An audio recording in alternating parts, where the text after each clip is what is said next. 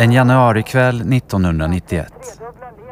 Fyra dagar innan mordet på de svenska fackledarna Bertil Winberg och Ove Fredriksson.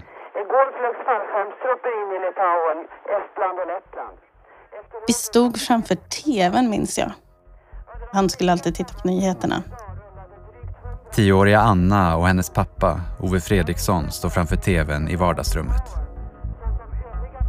På nyheterna talas det om de mystiska svarta baskrarna, sovjetiska specialtrupper som skjuter ihjäl demonstranter i Baltikum. Situationen som den allvarligaste för Baltikum sedan 1940. Läget är spänt. Våldet kan explodera. Just uh, thousands of people are guarding the parliament. They're singing. Om bara några dagar ska Ove Fredriksson resa dit. Och då bad jag honom inte åka. För att de... Ja, vi hade ju hört att det var oroligt. Så jag frågade, måste man åka? Om det är så. Vad svarade han då? Att det behöver man göra. Att vi ska hjälpa till. Är det något som du har liksom tänkt på i efterhand också? Mycket.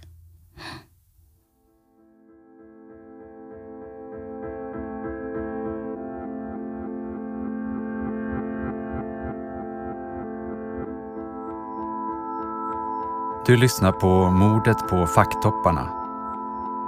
En podcast i sju delar från Dagens Arbete i samarbete med produktionsbolaget Banda. Jag heter Mikael Fernbo. Det här är avsnitt tre. Den hemliga våningen.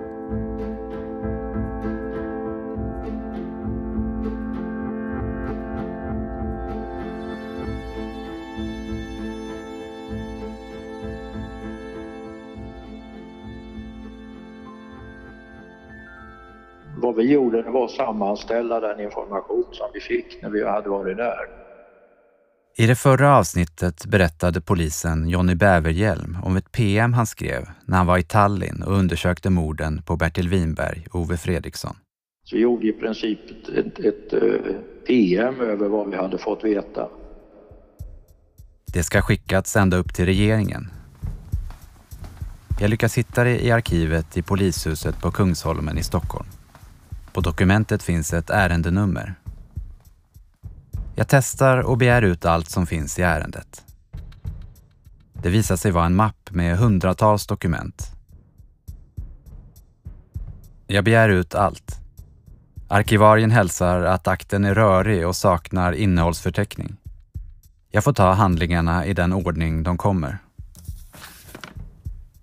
Den första bunten innehåller Jonnys PM och de förhör som den svenska polisen gör efter mordet. De är med fackmannen Ulf Asp och kollegan Anita Normark. Hon var näst högst uppsatt i den nordiska delegationen och med på resan till Tallinn.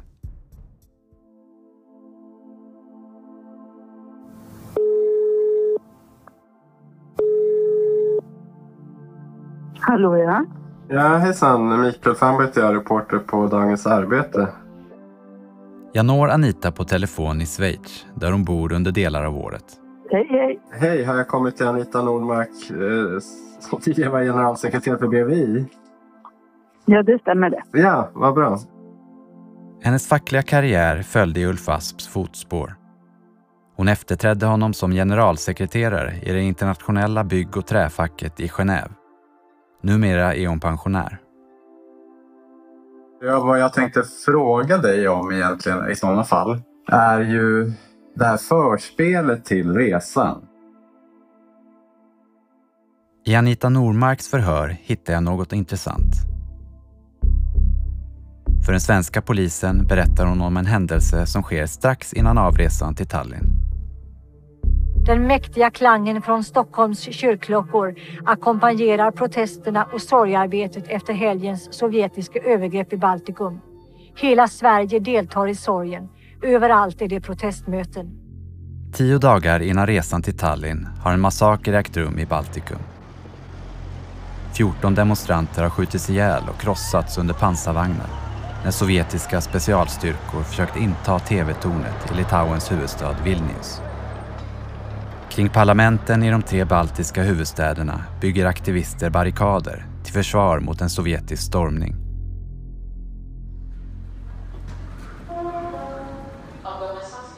Dagen för resan till Tallinn står Anita Normark i avgångshallen på Arlanda. Hon möter upp Bertil Winberg som kommer i taxi från villan i Märsta. Ove Fredriksson kommer med flygbussen från Husby.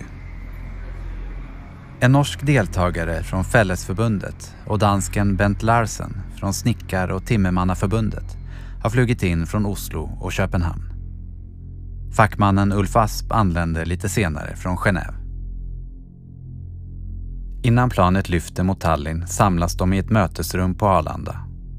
På dagordningen står bland annat våldsutvecklingen i Baltikum. Anita Normark minns mötet. Vi skickade nog ett uh, uttalande från den Nordiska federationen. Efter en diskussion om massakern i Vilnius enas den fackliga delegationen om att göra ett offentligt uttalande. Där fördömer man det sovjetiska våldet och uttrycker sitt stöd för den baltiska frihetskampen. Jag minns inte hur det skickades ut och hur det var. Jag minns att vi hade, hade möte. Meddelandet går ut till pressen. Avsändaren är den Nordiska federationens ordförande, Bertil Winberg. Strax efter mötet meddelar den danske delegaten att han inte ska följa med till Tallinn. Istället sätter han sig på första flyget tillbaka till Köpenhamn. Och eh, han dansken som skulle varit med, Ja, han eh, vände ju där på Arlanda. Ja han kunde inte. Av någon anledning. Anita säger sig inte veta anledningen till danske Bent Larsens plötsliga avhopp. I sitt förhör säger också fackmannen Ulf Asp att dansken av någon anledning fått förhinder. Men det är inte det verkliga skälet. När vi pratade internt då var det för att han, att han blev rädd. Efter att den nordiska delegationen offentligt gått ut med skarp kritik mot Sovjetunionen anser den danske delegaten att hotbilden mot dem blivit för stor. Det är inte längre säkert att åka till Tallinn. Men den här informationen når aldrig polisen 1991.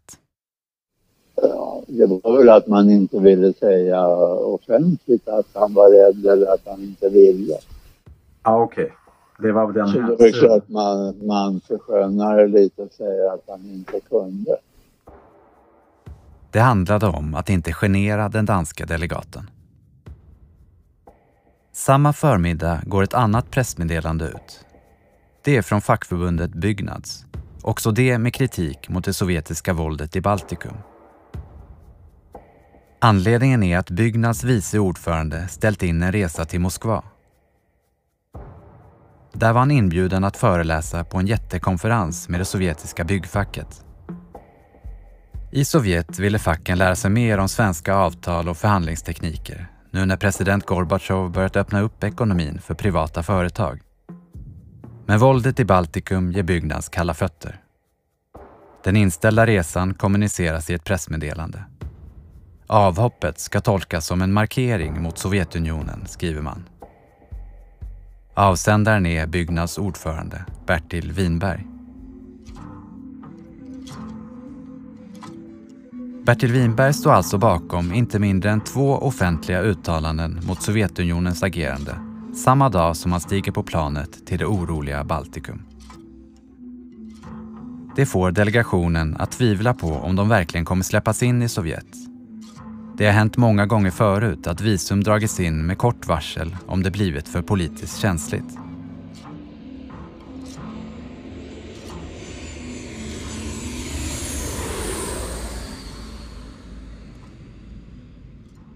Jag läser i förhöret med kollegan Anita Normark att de blir förvånade när de utan problem passerar passkontrollen. När delegationen kliver ut på Tallinns flygplats har Bertil Winberg och Ove Fredriksson ungefär 12 timmar kvar att leva.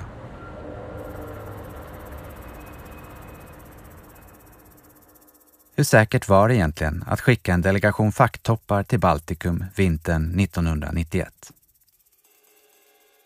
Jag vet att vi pratade med UD innan vi planerade resan till, eh, till Tallinn. Anita Normark minns att de rådfrågade utrikesdepartementet inför resan. Okej. Okay. Och det, det var nog kanske Pierre Schori. Socialdemokraten Pierre Schori var då chef för UD. Hade Pierre Schori sagt att vi inte skulle åka så, så hade vi nog inte åkt. Idag tycker Anita Normark att han inte förstod riskerna i Baltikum. Och vad var det man eh, underskattade då? Ryssland, Sovjet på den tiden. Alltså deras vilja att eh, förhindra frigörelsen då eller liksom inblandning ja. i Baltikum? Ja, Tallinn, de hade ju belägrat parlamentet när vi kom dit. Hur såg UD på hotbilden mot svenska delegationer i Baltikum 91? Jag söker upp tidigare kabinettssekreterare Pierre Schori. Hallå ja. Ja, hej, Mikael Stjernborg heter jag, reporter på Dagens Arbete. Hej hej. Ringer jag olägligt eller? Ja, jag sitter och fikar med barnbarn men jag lyssnar. Men att få en intervju med Pierre Schori är inte det lättaste. Han lever ett hektiskt pensionärsliv. Ett ögonblick. När jag först ringer är han upptagen med barnbarnen. Men gubbe! Aha, jag tittar. Eh, du, just nu kan jag inte. Nej, men, jag eh, Nästa gång är han försjunken i ett schackparti. Jag sitter lite i, i knipa nu. Jag sitter i schackmöte och spelar schack. Därefter är han ute på landet med dålig mottagning. Och, eh, Pierre, förlåt, jag måste avbryta dig. För nu försvinner du lite då och då. Jag kan liksom inte spela in när, när det är så hackigt. Och däremellan sitter han allt som oftast oåtkomlig och skriver på en ny bok. Medan jag väntar läser jag hans memoarer. När jag närmar mig slutet av januari 91 blir jag överraskad. Det visar sig att Pierre Schori var i Baltikum samtidigt som morden skedde utsänd av statsminister Ingvar Carlsson. Till slut lyckas jag få till ett snabbt möte i vestibulen till Socialdemokraternas högkvarter på Sveavägen 68 i Stockholm. Hej. Hej. Hur står det till? Ja, ledsen för allt krångel. Men jag är glad att vi kan träffas. Vi är säkra. Ja. Du, eh, den här får du av mig. Ja. Kan du, träffar du Helle? Ja. Ge det den till henne då. All right.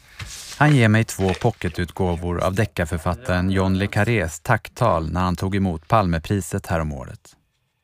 En till mig och en som jag ska ge min chefredaktör Helle Klein. Schori är ordförande för Olof Palmes minnesfond som delar ut priset. John le Carré, mästaren av agentromaner och kalla kriget-deckare. Det känns nästan lite väl ironiskt. Det är något visst att träffa Pierre Schori. Han är som en fläkt från en annan tid då många upplevde att socialdemokratin drev historien framför sig. Då Olof Palme agiterade för internationell solidaritet och partiet var djupt involverat i befrielsekamper runt om i världen. Det är en internationalism och aktivism som känns främmande idag. Jag försöker reda ut de här uh, olika delarna. Jag berättar för Pierre Schori om min undersökning. Men när jag läste din bok här. Du var ju i Baltikum när mordet skedde den 24 januari. Ja, det var ju efter att eh, sovjetiska trupper, specialtrupper, hade ingripit i, i Vilnius och i Riga, Ja. inte i Tallinn. Nej. När då oroligheterna utbröt, då var det förmodligen så att det var olika uppfattningar i den sovjetiska ledningen och Mm. att militärer och specialförband under eh, vissa, ska vi säga, obotliga kommunister som eh, utnyttjade tillfället och organiserade och anföll och- för att provocera. I Baltikum är det enligt Schori dessa obotliga kommunister som styr våldsutvecklingen. De var emot president Gorbatjovs liberala reformpolitik.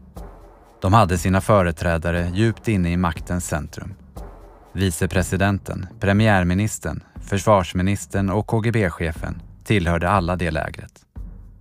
När Gorbatjov möter självständighetskraven från balterna i förhandlingar söker den här gruppen konfrontation för att få mandat att krossa rörelsen.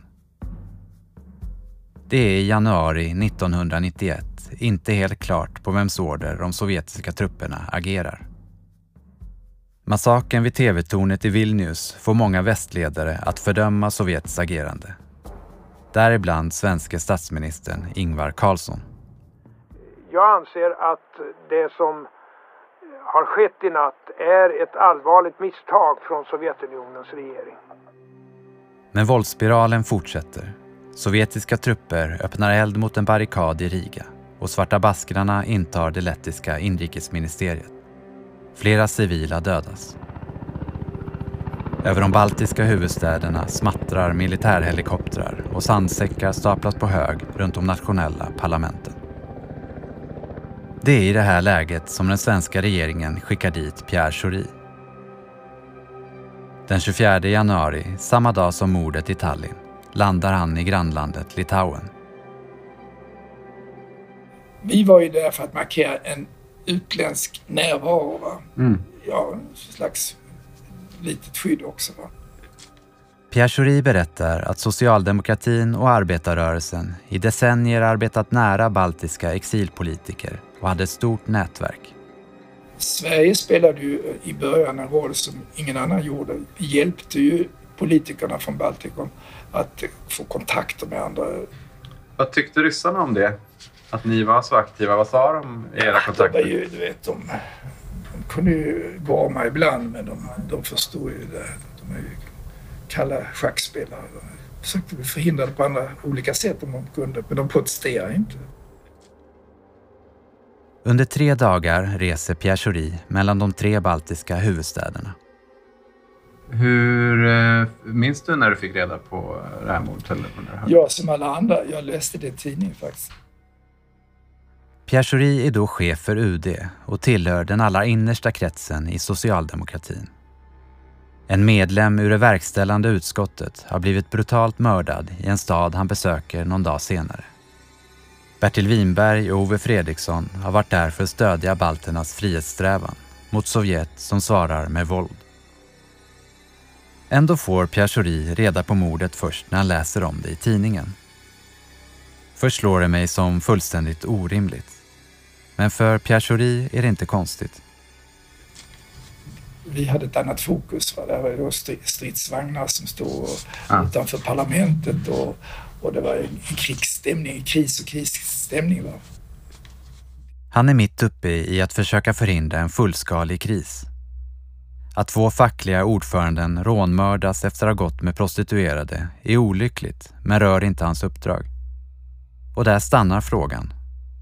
Det kommer aldrig någon information om att det här kan vara något annat än ett ruskigt rånmord.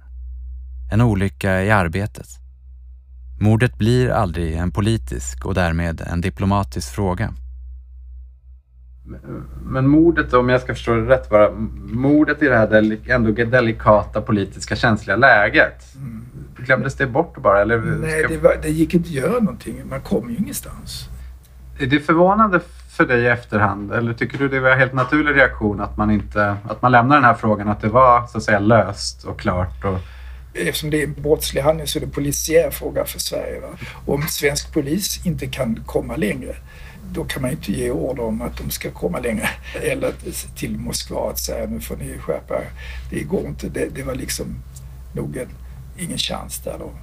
men jag tänker, Bertil Winberg var inte vem som helst, inte heller Ove Fredriksson, men kanske Bertil var ju, han satt ju i VU.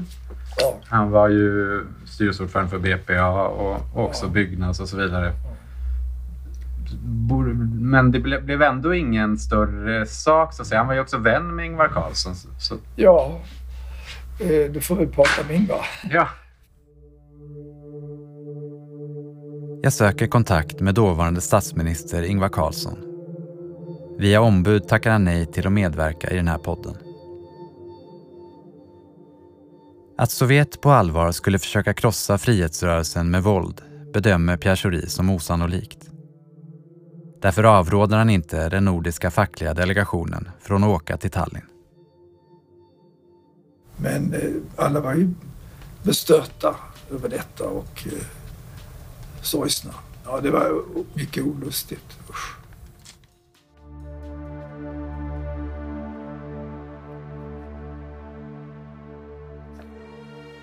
Utifrån förhören med Anita och Ulf från 91 kan jag teckna en detaljerad bild av dygnet fram till mordet Förutom svenskarna och norrmannen har tre finska delegater tidigare under dagen rest in till Tallinn.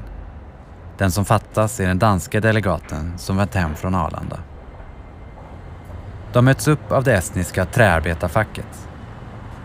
Det är deras ledning som officiellt har bjudit in den nordiska delegationen. De checkar in på Hotell Viru för att sedan promenera till en konferenslokal. På mötet deltar representanter för de nya fria estniska fackförbunden inom träindustrin, bygg och elektriker. Anita Normark minns idag inte mycket av vad som sades under mötet. Men i hennes förhör läser jag att esterna var mycket försiktiga med orden och höll en väldigt låg profil. Att ha möten med företrädare från väst var inte okontroversiellt. De visste att de hade ögonen på sig. Hon berättar också att den lokala tolken i skarpa ordalag varnar för de kvinnor som finns i barer på Hotell Viru.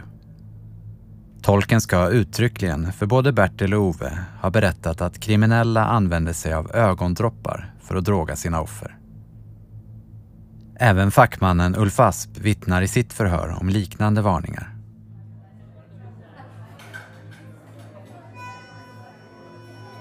Strax före klockan nio på kvällen anländer konferensdeltagarna till en festsupé på Hotell Viru.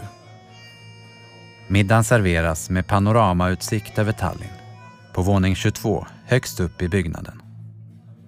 Det är förrätt med olika smårätter som man plockar från ett stort fat. Fisk i form av gelédallrande aladåb, skurna korvar, skinka i småbitar, plommon, äpple och apelsinklyftor. Huvudrätt är någon form av kotlett med hemmagjorda pommes och saltgurka. Det bjuds på kaffe och chokladkaka. Fackmannen Ulf Asp minns middagen. Så vi åt middag med de estniska förbundens representanter på toppenvåningen, trodde vi. Våning 22 är vad alla vid tillfället tror är den översta våningen. Det var den som var under andra översta våningen. När fick du reda på att översta våningen inte var... Ja, det var ju långt efteråt. Först flera år senare avslöjas det att Hotell Viru inte bara består av 22 våningar. Bakom en låst plåtdörr i restaurangens kök finns en trappa som leder upp till en hemlig 23 våning. Där uppe finns en övervakningscentral där den sovjetiska underrättelsetjänsten KGB bedriver en omfattande avlyssning av hotellets gäster. Ett 60-tal av hotellets 500 rum avlyssnas dygnet runt. I de rummen placeras utländska gäster och andra politiskt känsliga personer. Även restaurangerna och nattklubben kan avlyssnas med mikrofoner i bland annat askfat eller brödfat och sändare i taken.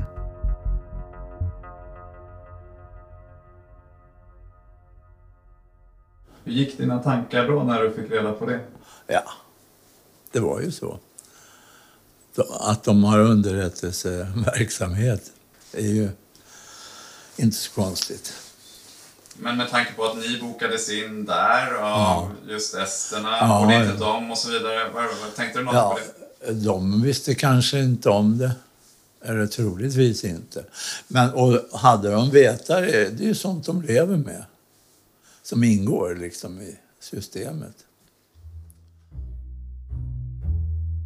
När svenskarna äter middag i januari 91 är de ovetande om att rakt ovanför deras huvuden sitter KGB-agenter och lyssnar genom de dolda mikrofonerna. Kan KGB ha lyssnat när svenskarna satt i baren med kvinnorna? Kan de sitta på svaret på varför Bertil och Ove, trots varningar, gav sig ut i natten?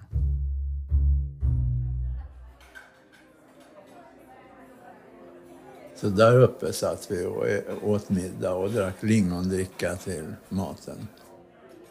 Till middagen dracks lingondricka, men det fanns också vodka upphälld i karaffer som flitigt serverades av personalen. Jag läser i Anita Normarks förhör att hon noterar att både Bertil och Ove blir något berusade. Men utan att det påverkar deras gång, gester eller sätt att tala. Hon ser också att de flera gånger håller handen över glaset när serveringspersonalen försöker slå upp mer vodka. De finska delegaterna som varit på Hotell Viru tidigare vill efter middagen visa svenskarna nattklubben. Efter middagen så gick vi tre svenskar ner och eh, även finnarna gick ner där och även norrmännen. Norrmännen hade ju iakttagit det hela. Jaså, de hade sett händelseförloppet? Ja, just det. Och eh, finnarna, de hade väl också det. Runt klockan ett lämnar Ulf Asp nattklubben för att gå upp på sitt rum och sova. Då är Bertil Winberg och Ove Fredriksson uppe och dansar med de tre kvinnorna. Det är det sista han ser av dem i livet. Men det kan alltså finnas fler vittnen till vad som händer i baren den natten. När jag går igenom en ny hög sekretessprövade handlingar från polisarkivet på Kungsholmen dyker plötsligt ett förhör med den norske delegaten Kjell Martinsen upp. Det visar sig mycket riktigt att han var i nattklubben under mordnatten. Faktum är att han var där ända fram till stängning, som han bedömer var vid 03.30. Jag får tag i honom på telefon i villan utanför Oslo. Än idag, 30 år senare, minns han kvällen i nattklubben på Hotell Viru. Gick uh, längre innover i lokalet än det Bertil Ove var. Mm. Det var ganska mycket folk nere där. Pratar du med Bertil eller Ove eller eh, liksom, går du fram till deras bord någonting under kvällen eller hur ser det ut? Nej det var bara sån hej på dig och så. De satt där då vi kom men den hade gått tror jag när vi drog igen. Just det, de är borta när ni, när ni går till sängs. Ja. Ja, och det är, vid, vid, det är efter tre någon gång vad jag förstår. För jag läste ditt förhör. Ja. ja. Så du är, du är säker på att de inte är där vid, vid 03.30? Jag såg dem inte i vart fall. När jag lyssnar igenom radioarkivet hittar jag även ett annat vittne från baren. Det är en affärsman som heter Thomas Brage som intervjuas i Sveriges Radio efter tre. I Efter tre ska vi nu tala med den svenska affärsmannen Thomas Brage som var med på nattklubben på Hotell Viro i Tallinn den natt då de svenska fackföreningsledarna Ove Fredriksson och Bertil Winberg mördades. Han ska ha sett Bertil Winberg och Ove Fredriksson med de tre ryska kvinnorna runt klockan 02.00. En timme efter att Ulf Asp lämnat dem. Du var ju alltså på nattklubben den här kvällen och Vi var såg... på nattklubben, såg, men vi lämnade den här alltså cirka klockan 02.00. såg ni någonting som föreföll ovanligt då? Inget eh, ovanligt mot eh, vad brukligt var, vara så att säga där. Hur var, sven... Hur var svenskarna Winberg och Fredriksson klädda? Ja, i ja, kostym och ja. Jag har sökt Thomas Brage för att fråga om fler detaljer, men han har avböjt att medverka. Klockan 02.00 är Bertil Winberg och Ove Fredriksson fortfarande kvar i nattklubben. Men 03.30 har de försvunnit. Vad händer under de här en och en halv timmarna? Här kan lösningen på mordet ligga. Jag måste hitta fler vittnen från baren.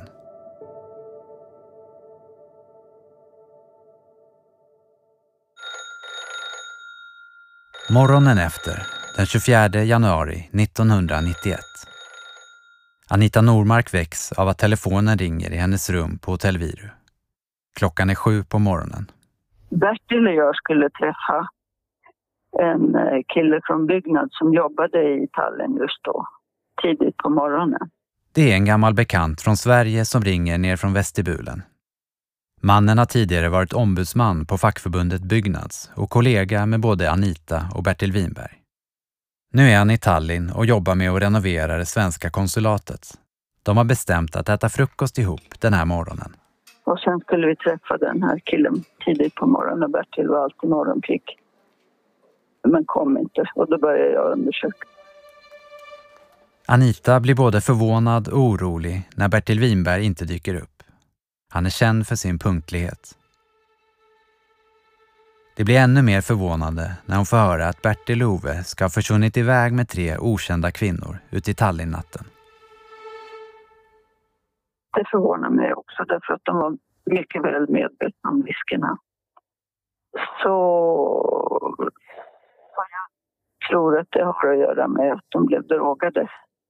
Och vad som hände sen vet jag inte. Mm. Men jag vet att jag reagerade på morgonen därför att han, han brukade aldrig inte dyka upp när han hade lovat. Sen kom det plötsligt besked att de var hittade. Strax efter lunch nås Ulf Asp och Anita Normark av beskedet att deras kollegor Bertil Winberg och Ove Fredriksson har hittats mördade. Så då fick vi åka iväg och kolla på där samtaget och på bårhuset. Det var klart man var chockad. Ulf och Anita får följa med polisen till bårhuset. När de släpps in ligger Bertil och Ove upplagda med ett vitt skynke över sig där bara huvudet sticker fram. Varken Ulf eller Anita har tidigare sett en död människa. Hur, hur såg de ut och hur, pass, liksom, hur bedömde du de skador de hade? Och... Misshandlade. Mm. Pro professionellt misshandlade skulle jag säga. Ja, hur, hur, hur gjorde du den bedömningen? Alltså, vad fick du tänka så? Nej, men de, var, de, var, de hade ju de här andra kläderna på sig men, men man såg ju skador i, i ansikten och överhuvudtaget. De var kraftigt misshandlade. De reagerar på att Bertil är annorlunda klädd.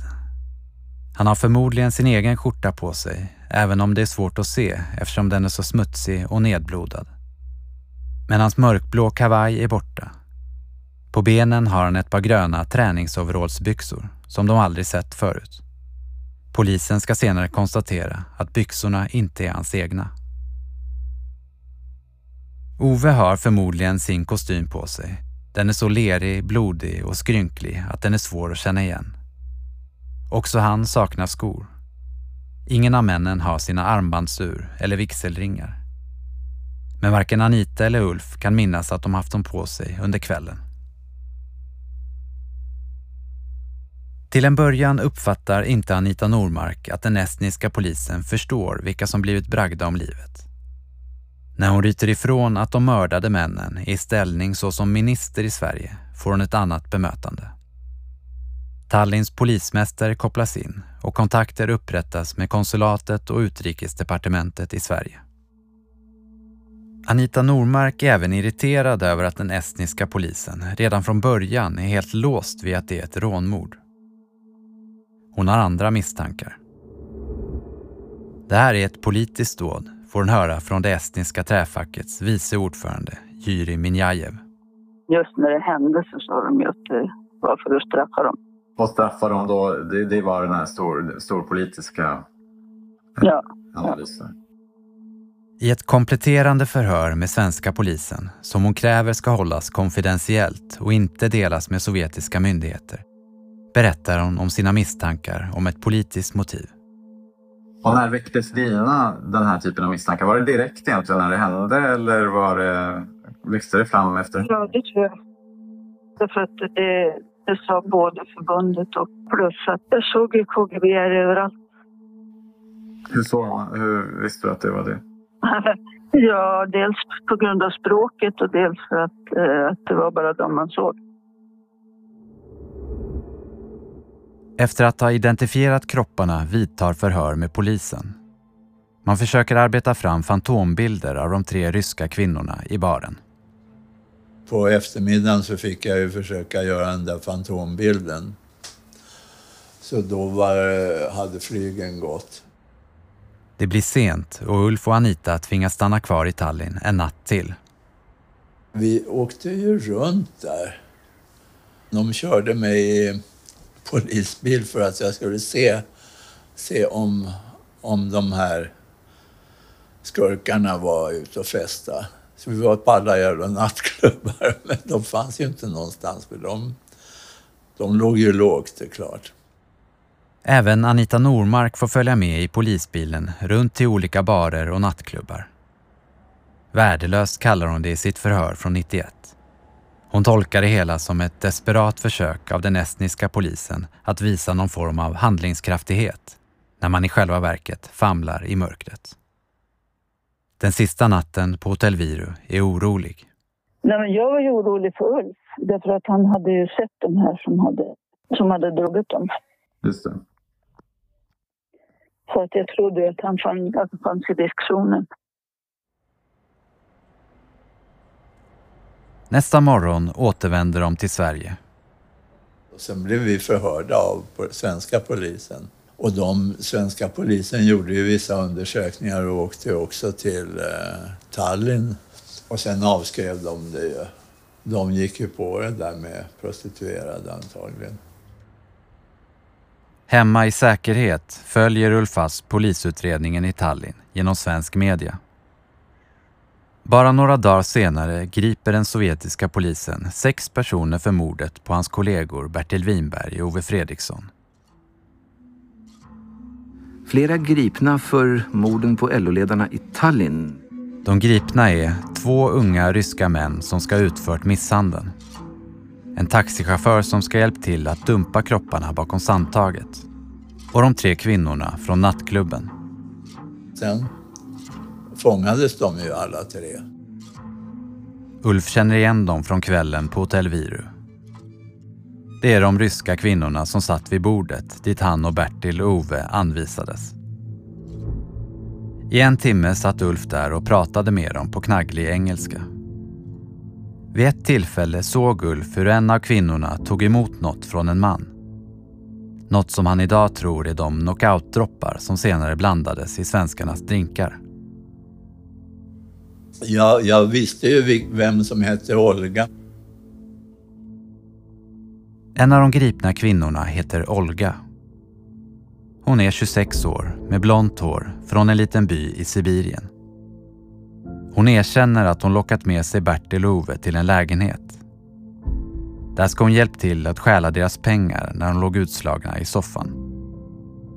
Men hon nekar till att hon har något med mordet att göra. Sen flyttade hon till Sverige och gifte sig med någon. Hur fick du reda på det sen? Ja, det stod i tidningarna. Det var ju någon som hon kände när hon var där nere.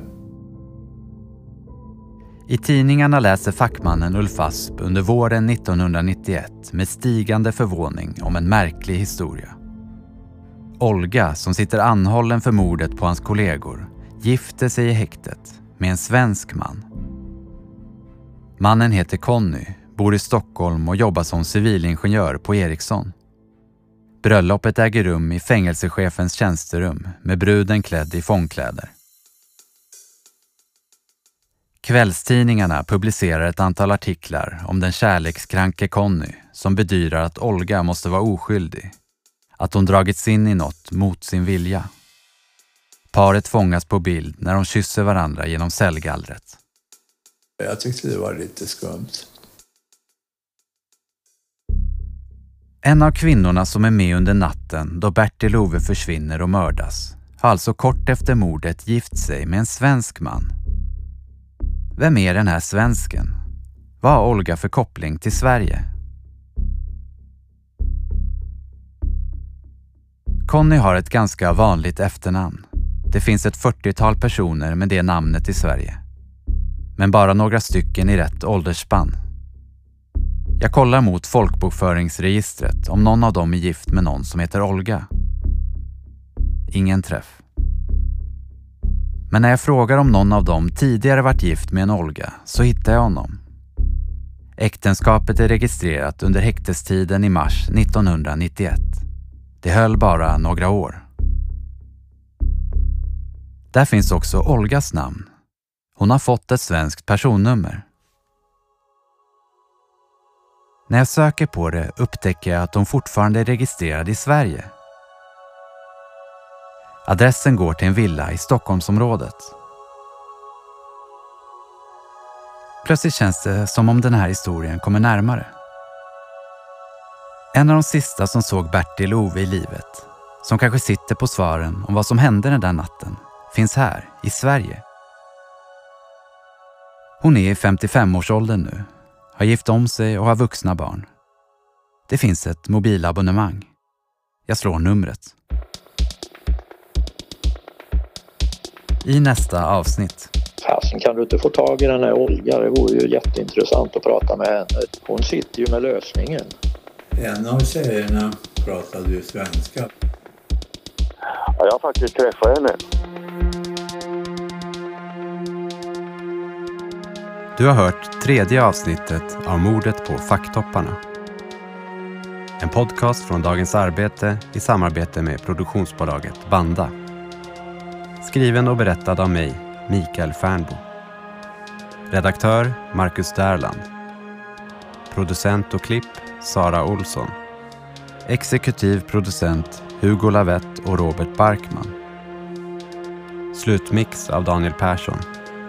Arkivljud från Sveriges Radio. Ansvarig utgivare Helle Klein. Tack till Holger Ronnema, David Lundmark, Gunilla Eriksson, Helena Reistad och hela Dagens Arbetes redaktion. Ett särskilt tack till min fru Somar.